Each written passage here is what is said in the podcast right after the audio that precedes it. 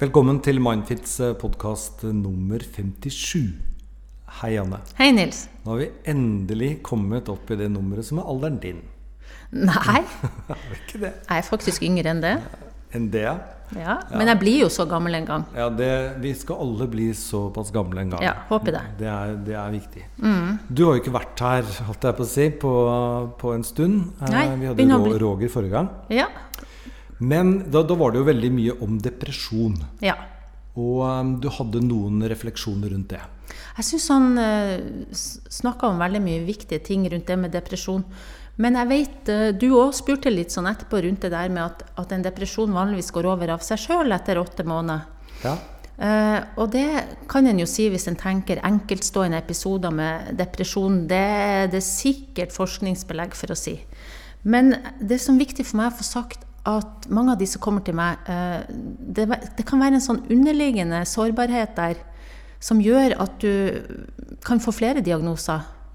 Og depresjon kan utløses på nytt. Så selv om du ikke føler deg så altså Det er jo mange som kommer til meg og sier nei, jeg er ikke så deprimert som jeg var når jeg sendte henvisninger, for de må jo vente så lenge til meg. Men samtidig så trenger de hjelp, for at de har sett gang på gang at det kommer tilbake. Eller de sier at de har fått noen andre utfordringer. Kanskje de er engstelige, urolig. Og så er det mange som faktisk har identifisert sjøl at det er noen sammenhenger mellom det her og en sånn underliggende sårbarhet som ofte også kommer av en har opplevd i livet. Altså type hendelser, belastninger. eh, At vi er forskjellige i utgangspunktet, og noen er mer sensitive enn andre. Ja, for selv om liksom en depresjon går over, eh, så kan det jo det være noe av det samme som en tannpine. En tannpine kan jo gå over, Ja. men det er en årsak til tannpinen. Ja, det er Og som regel er det en årsak til Ja. depresjon òg, og den, eh, den bør du jobbe med. Og så er det sånn da at, at eh, psykologer jobber forskjellig, og noen er jo mm, opptatt av symptomlettelse. Det er jo viktig. Altså type har du depresjon, at du skal få en lettelse i depresjon. Samtidig så tenker jeg de her underliggende årsakene og utfordringene Hvis en ikke får, altså hvis det her gjentar seg, og hvis det viser seg å komme tilbake, så, så tenker jeg kanskje en må gå litt sånn dypere inn i det noen ganger. Og det er jo der uh, jeg kommer inn ofte, fordi jeg har lange ventelister, og de som kommer til meg, de har ofte sett det at ja da, jeg ble kvitt Jeg er ikke så nedfor nå som jeg var i fjor høst, men eh, samtidig kjenner jeg liksom gråten ligger der rett bak, og jeg er redd for å få det igjen, og jeg har fått det igjen flere ganger før. Og så har de eh, trukket noen linjer ofte mellom det og, og ting de har opplevd, eller noe de ønsker å ta tak i, som er underliggende eh, medvirkende årsaker. Da. Ja, Viktig å få sagt. Og vi er jo da som vanlig nå på loftet. Eh, Der hvor jeg jobber. Og nå er det litt romklang i rommet, og det er fordi at eh, alle møblene og alle bildene er borte. Eh, Og det er fordi at hun som hadde alle bildene her, Linnea, er da ferdig med denne utstillingen som har vært det, her. da. ja. Så litt romklang er det, men det er et veldig fint lokale å ha podkast i. Vi sitter jo nå faktisk tre meter fra hverandre, og det føles veldig behagelig. ja det, veldig bra, Nils. Veldig bra. Ja. Ikke noe eksponeringstrening her, nei. Nei, nå trenger vi ikke sitte nærmere hverandre, og det er bra. Vi tar eh, to spørsmål som vanlig. Ja. Et litt kort et til å begynne med. Jeg leser. Hei. Er en psykologspesialist med henvisningsrett forpliktet til å sette en ny diagnose på pasienten når pasienten oppsøker psykologen med en allerede definert diagnose? Er det vanlig praksis at pasienten blir involvert i diagnostiseringen, eller er dette en suveren rett og eller plikt for terapeuten i henhold til journalføring og Navs forskrifter? Ja. Jeg kan jo egentlig mest av alt svare for hvordan jeg gjør det, men, men jeg tenker når du har en sånn type henvisningsrett, for det har jo jeg, da er du jo en del av spesialisthelsetjenesten. Og de må jo forholde seg til en prioriteringsveileder. Det betyr at de må prioritere hvem som skal få helsehjelp, og hvilke som ikke skal få det. Og det er forskjell på spesialisthelsetjenesten type distriktspsykiatriske senter og den private praksisen som jeg har, men også jeg må forholde meg til det her. Og det betyr at det er jo viktig når folk kommer til meg, at jeg utreder øh, hva er problemet, og er det noe som utløser den type pasientrettigheter, da. Men da tar vi det helt basalt her. Hva Ja. er en henvisningsrett? Eh, nei, altså, du har, du hen, de blir jo henvist til meg med en sånn legehenvisning, eller det kan være en psykologspesialist. Eh, og så er det noe med om du har rett til helsehjelp. Eh, og det er sånn at alle har jo ikke det, selv om du har plager. Sånn at hvis du har lettere f.eks. er lettere nedfor eller har lettere angst eller tvangsplager, det er jo bare eksempel. Da er det ikke sånn at du nødvendigvis vil få hjelp i spesialisthelsetjenesten, da. Ja, for hjelp er da gratis. Altså, Ja, altså hj- hjelp i spesialisthelsetjenesten, det går jo etter sånn frikortordning. Eh, sånn at eh, siden det er lagt opp sånn systemet, så er jeg jo nødt til å utrede eh, hvilken type diagnose har denne pasienten. Uh, om det i det hele tatt er en diagnose. Men det her er jo vanskelig. Men, men, men er det da altså sånn at noen blir henvist til deg? Ja. Og da handler dette om dette spørsmålet om er, er du da forpliktet til å lage en ny diagnose? Nei, jeg er ikke forplikta til å lage en ny diagnose. Men må, hvis folk kommer til meg og sier jeg har posttraumatisk stress eller jeg har en angstdiagnose fra før av, så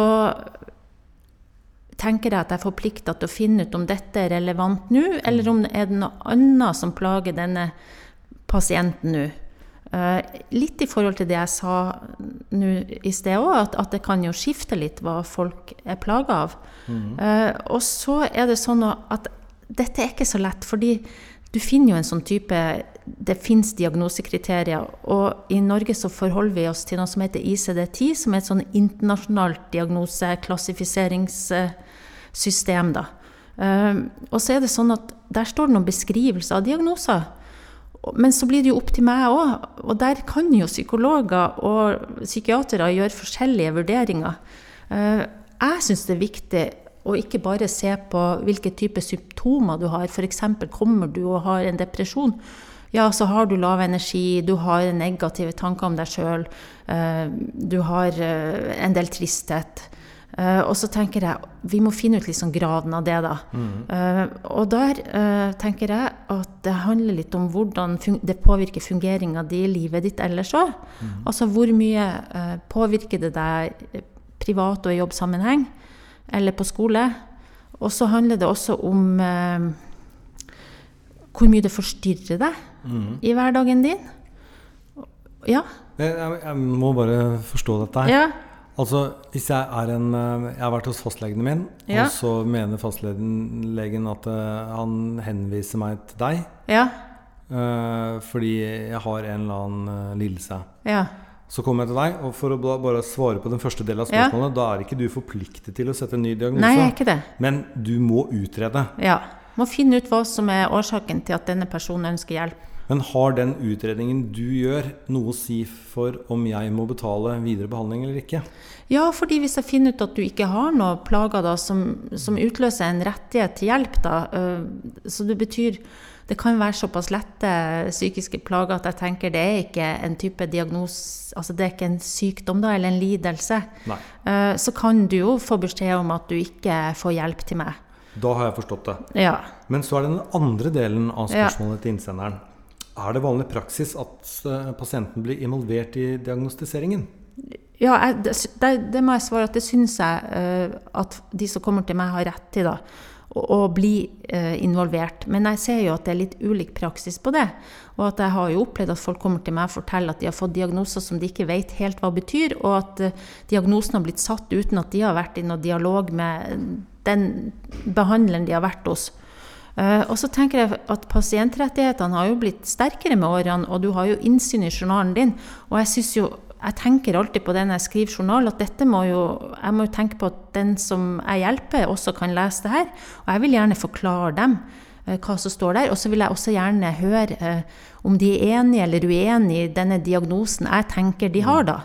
Eh, og så tenker jeg også sånn at jeg vil ikke belaste folk med å gi dem diagnoser heller som som de ikke ønsker, i den forstand hvis de ikke kjenner seg igjen i den. Jeg, tror, jeg tenker vi kan ha masse, at vi kan ha en bra samtale rundt det, og så komme til en enighet i fellesskap. Men hvis jeg ser helt tydelig f.eks. at du har PTSD, eller at du har en type eh, personlighetsforstyrrelse, eller noe sånt, så er jeg jo forplikta til å fortelle deg hva jeg ser.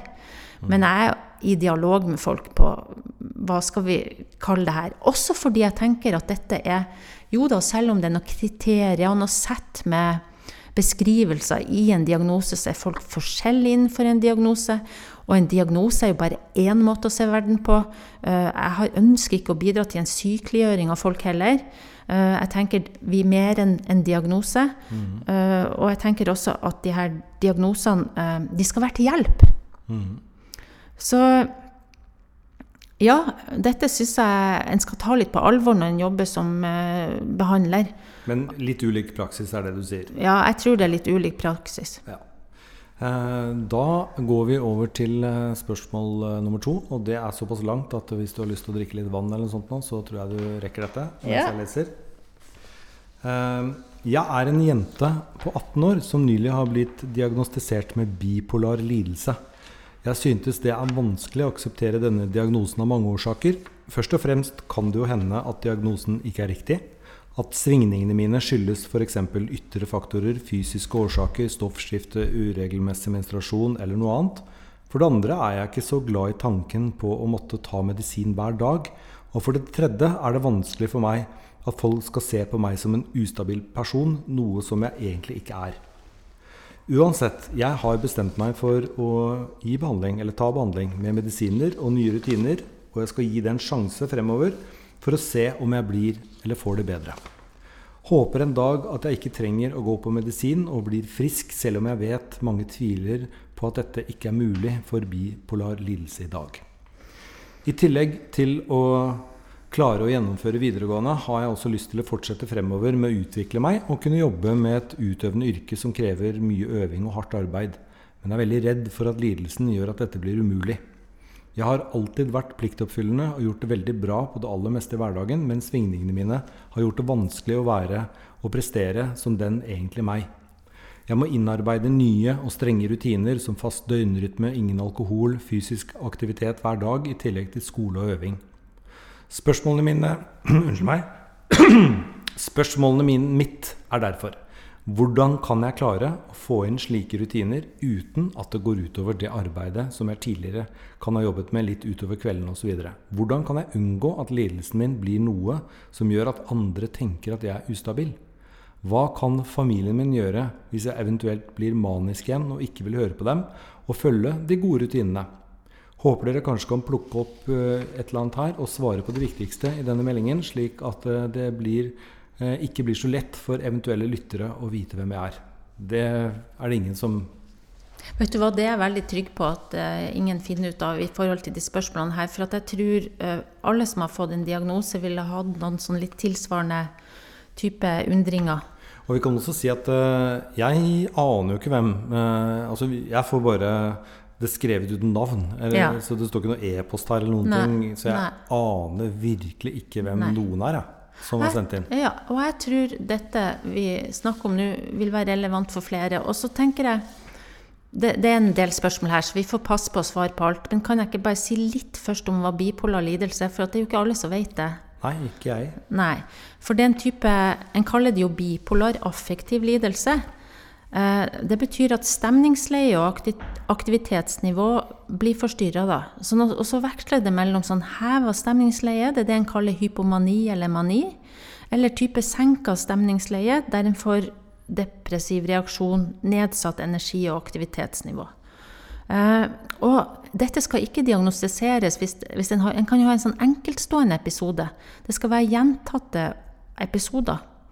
Og da kaller en det en bipolar lidelse. Og så kan du også ha sånn type blanda reaksjon, altså at det svinger mye fortere. Altså det kan svinge mye hurtigere, da. Fra eh, heva til senka stemningsleie. Men vanligvis så er det sånn, eh, er min erfaring, at, at det starter kanskje med en type heva stemningsleie, en hypomani eller mani. Eh, og så ender du med å få Den varer kanskje ikke så lenge, men den, den varer jo kanskje en sånn 14 dager, ei uke eller noe sånt. Og så ender du kanskje med en sånn litt sånn senka stemningsleie etterpå, da. Og går inn i en depresjon. De varer ofte litt lenger, da. Men eh, jeg må innrømme at jeg tror at uh, bipolar lidelse kun kan behandles med medisiner. Og det er det mange som tror, og derfor så syns jeg det er så fint å få sagt at For jeg har jo møtt en del pasienter som går til meg, som har fått den diagnosen, og har levd med den en stund. Så jeg vil liksom berolige på at det går an å få kontroll over det her. Eh, og at det handler om, og det skal vi snakke litt om nå, hvilken type grep du gjør sjøl. Mm. Eh, og så er medisiner det er bare en del av behandlinga. Så jeg mener at det er jo ikke bra eh, behandling å bare få medisin. Jeg tror ingen blir hjulpet bare med det. Men man må ha det. Uh, Om en må ha det eller ikke altså jeg, vil tenke, jeg vil ikke si at en må stå på det resten av livet. Noen vil vel ha noe påstå det, men jeg tenker at det må gå an å av og til finne ut om jeg trenger det her eh, lenger nå eller ikke. Og livet er jo langt, og med årene så brennes vi jo også litt ut i forhold til type person, altså type sånn utfordringer som det her, da. Men bare før vi egentlig begynner å svare på spørsmålet. Ja. Altså, er det mange forskjellige medisiner for bipolar lidelse? Ja, før så Jeg tenker de medisinene som var før, ga mer bivirkninger, da. Uh, mens nå er det mange som får noe som egentlig starta som en sånn antiepileptikum. Ja. Klarer jeg å si det riktig nå? Jeg tror Epilepsi. ikke det. Ja. ja det er det. Uh, som heter Lamictal. Okay. Uh, og, og, det tror jeg absolutt ikke Min erfaring med de som går til meg som tar det, det er at de kjenner ikke samme type bivirkninger. Det er ikke så tungt å gå på da, Nei. som de tingene som folk uh, fikk tilbud før. da. Så egentlig har den gått mer over til litt, litt sånn type medisinering som kanskje ikke gjør en så tung. Det som kan skje hvis den blir for tungt medisinert, er jo at en føler at en mister de her svingningene øh, vil en jo gjerne miste, men det er jo mest sånn toppene. En vil jo Mange har jo glede også av den kreativiteten de får når de er mer sånn gira i et sånn heva stemningsleie. Ja.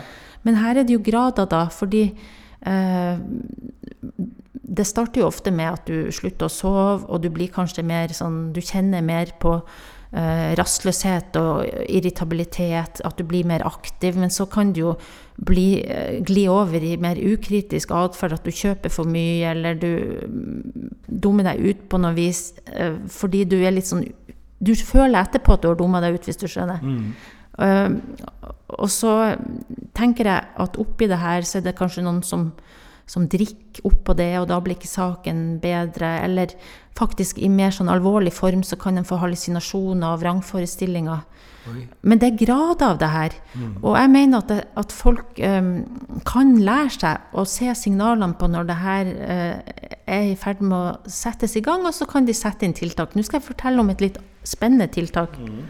Fordi noe som uh, en har forska litt på Jeg vet ikke om han snakka om det, han som var her, som var sånn søvnekspert. Han snakka om det blå lyset, husker du det? Ja. ja fordi blått lys eh, gjør jo at, eh, at du mister søvn, fordi eh, dette gjør at, at det her hormonet, søvnhormonet melatonin det slutter å produseres, så du blir rett og slett ikke søvnig. Mm. Hva betyr det? Det betyr uh, snakk litt på siden av mikrofonen. Å oh, ja, jeg skjønte ikke det. Du driver og peker hele tida. Ja, jeg gjør det. Skal jeg Der, ja. Der, ja. Ok. Så det betyr uh, det her blå lyset, da. Uh, det har en funnet ut, uh, gjør en jo veldig gira. Så det betyr at mange får jo sånn type mania eller hypomania på vår og sommer. For da er det jo mer lys. Ja. ja. Og så var det ei uh, som er fra Norge, da, som heter Tove Henriksen. Hun er faktisk i slekt med meg, det er jo litt morsomt. Ja. Ja. Eller hun er gift med mitt søskenbarn. Men hun er altså psykiater, og hun fant plutselig ut hvorfor ikke gi dem sånne gule briller. Sånn at du får bort det der blålyset. Ja. Og så begynte hun å forske på det. Sånn at eh, de som kom inn og var sånn manisk, da, kom inn uh, til behandling der hun jobba, de fikk de brillene på seg, og så skulle de gå med dem uh, fra jeg tror det var åtte på morgenen til Nei, åtte på morgenen, nå sier jeg feil. Fra var det sånn uh, seks på kvelden, kanskje til åtte om morgenen. Ja. Det blir mer riktig. og så fant de ut at for det her er jo ikke medisiner. Før har de jo bare gitt dem medisiner. Og da fant de ut at denne manien gikk fortere over. Ja. Og nå på Østmarka, der han Håvard Kallestad jobber, så forsker de jo på det her uh, gule lyset og har jo innført det på hele avdelinga. Så nå går de ikke med briller, de bare uh, har det gule lyset. Altså de har vel noe sånn på men, men vinduene som det, gjør at det blir gult. Ja. ja. og Det er jo et eksempel på at det trenger ikke å være å si, tung medisinering. Nei, altså, her er det helt andre ting som kan, uh, ja. kan, avhjelpe. Og så er det jo sånn da, at et lite tips til denne jenta og flere det er jo at for, å, for, mange er jo på iPad og iPhone og sånn, og, og, og, og, da er poenget at du kan faktisk stille inn noe som heter night shift, mm. og så får du et sånt gult lys. Oh, ja. ja. Jeg har det. Ja. Uh, sånn at uh, etter et visst tidspunkt på kvelden så skifter det til sånn gult lys. Men bare, altså for det første så, så, skriver jo hun at hun er 18 år. Ja. Og da må jeg bare si det at uh, virker jo veldig reflektert for å være en 18-åring. Ja. Virker også som hun er en person som vil veldig mye og har fått til mye. Ja. Så da er det egentlig to spørsmål her. Det ene er på en måte å snakke litt om det eventuelle stigmaet man får hvis man har bipolar lidelse. Altså, Ja. Får man det? Er det et sånt brennmerke i panna? Kommer det til å ha noe effekt på uh, videre jobbkarriere, bla, bla, bla, og, Ja. og sånne ting?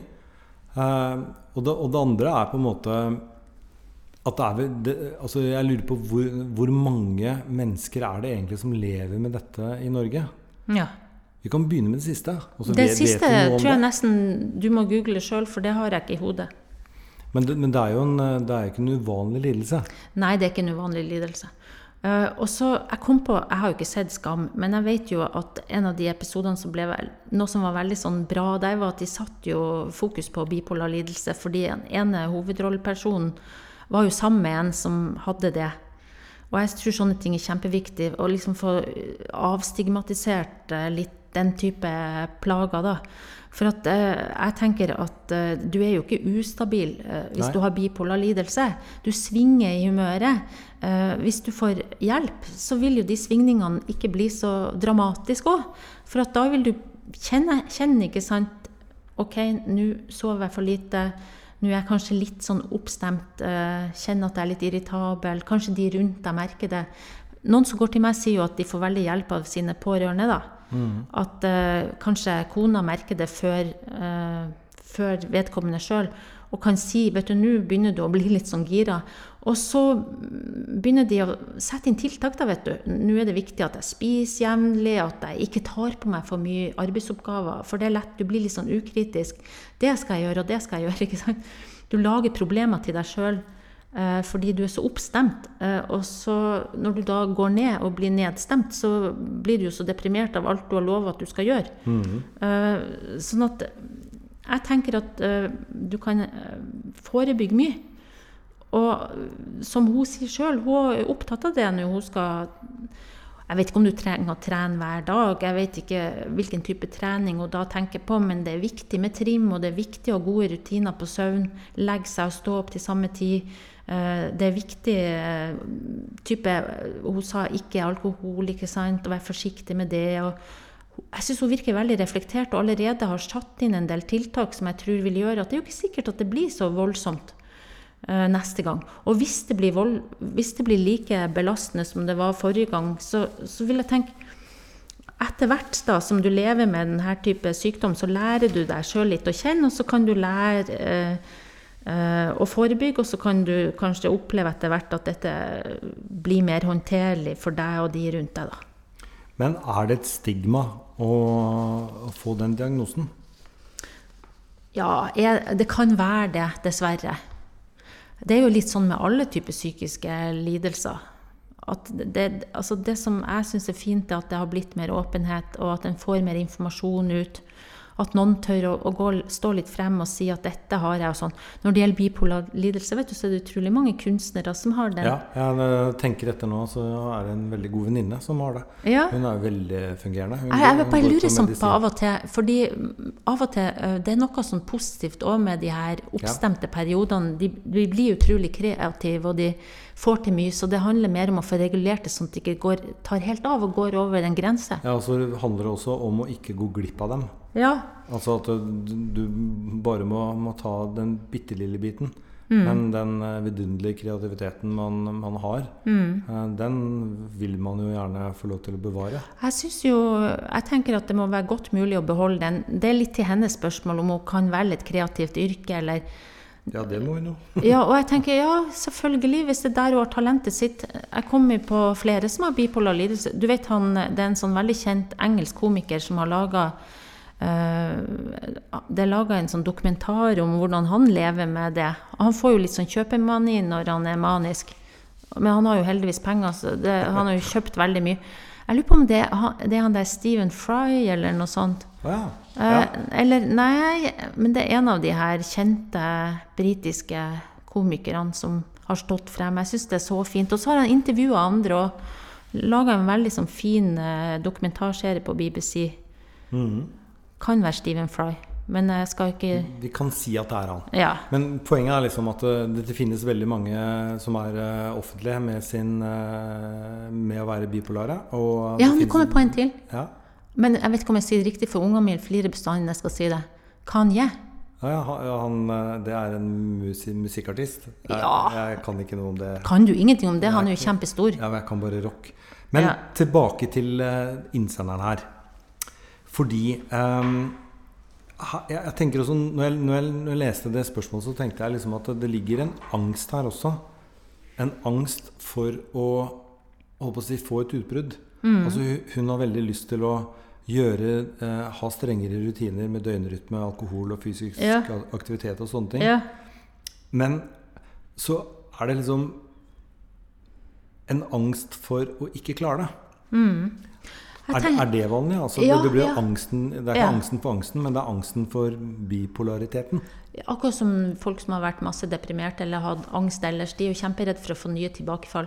Jeg tenker det samme prinsippet her, at en må øh, venne seg litt på tanken på at enn hvis det kommer igjen, kanskje heller lage seg litt sånn sikkerhetsplaner for enn hvis det kommer igjen, og så prøv øh, å ikke dømme seg sjøl for hardt hvis det skjer igjen. For skjønner du, hvis hun er kjempeflink nå med alle rutiner og alt, og allikevel får en eller annen episode, så er det så viktig for meg at hun kan øh, ikke bli for selvkritisk, da. Og heller lære seg sjøl å kjenne litt. Og det er, ikke alt, det er jo ikke alt du alltid kan forebygge, hvis du skjønner. Så du må være litt øh, raus med deg sjøl, da. Ja. Og, og så litt sånn avslutningsvis så går det an å også bare oppsummere med Altså Hun spør jo også hva kan familien gjøre. Ja. Eh, familien eh, skal du høre på, for de kjenner deg. ja. Og, og det er en veldig fin temperaturmåler Ja. eh, når du beveger deg. Det kan være veldig vanskelig når du har, er sånn oppstemt, for at det er jo, særlig i, i sånn første fase så er det en sånn god følelse. Eh, men jeg tror de burde la, lage en type plan eh, mens hun ikke har en sånn type mani, eller lag den når hun ikke er i en sånn fase. Sånn at en kan være litt sånn enig om en plan.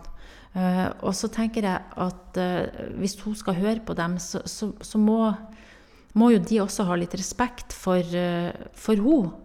og at kanskje ikke det alltid er farlig å kjenne seg litt oppstemt. For det er også noe som skjer når folk har bipolar lidelse. Og at alle kan bli litt sånn redd. Er jo ikke litt oppstemt nå, hvis du skjønner. Det må være lov å finne en måte å være uh, litt oppstemt på.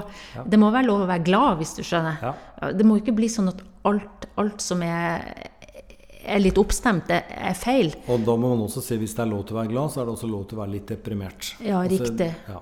Og så vil jeg tenke at eh, Men sånne dårlige altså sånne tegn eh, som en må se opp for, er jo når en slutter å sove, da. Så det blir plutselig bare fire-fem timers søvn. Eh, ikke sant? Også hvis du går sånn over en tid, så risikerer du Og du slutter kanskje å trene, eller du begynner å ta på deg masse arbeid. Du jobber kjempemye samtidig. Du syns du har kjempemye energi, så det er bare å stå på. sant? Um, da er det noe med at dette er faresignaler, og dette kan vi snakke om i forkant, altså hun og familien. Og jeg mener også de må få hjelp til det her i spesialisthelsetjenesten. For noen har jo gitt denne diagnosen, og jeg syns de òg er forplikta til å hjelpe. Uh, og at en kan snakke litt om hvordan en kan forebygge, og en kan snakke litt om hva gjør en hvis det har skjedd. Det håper jeg var et vettug svar. Det håper vi virkelig. Og Ja. så må vi si at uh, vi setter pris på spørsmålene. Dere må bare sende. Ja. Og vi nærmer vel oss å ta litt samlivsspørsmål etter hvert. Ja, nå har vi vært enige, nå er vi enige om det at vi skal ha noen spørsmål rundt det med parforhold og samliv neste gang. Ja. Ja. Uh, ble det med en gjest, eller ble det med oss to? Vi skal også ha en gjest. Vi skal også, om det ikke blir neste gang, så skal vi ha det i løpet av høsten. Eh, Og så må vi også si en, en ting til som vi snakket om før vi begynte. Vi hadde jo Nina Ja. eh, som var pasient. Ja, det var snakket- veldig det var veld- fint. Det var veldig fint. Så det har vi Vi kan vel allerede nå avsløre at vi, vi kommer med en eh, ny pasient. ja. Fordi- Eller klient. For pasient syns jeg Ja, er klient. sånn litt sånn passivt ord. klient. Jeg tok meg litt i det i stad. Jeg liker ikke det pasientordet. Nei, det, det kaster vi bort. Men det fungerte i hvert fall veldig bra. Det ble, Ja. det ble ganske magisk, så, så det skal vi fortsette med. Men kan vi ikke også si lykke til til denne jenta? For at jeg syns hun virker så reflektert, og hun virker som hun gjør så mye bra sjøl for å mestre det her. Og så syns jeg hun skal beholde håpet om at dette skal hun klare. Ja, det er jeg helt enig i. Dette mm. kommer jeg til å klare. Ha det bra. Ha det.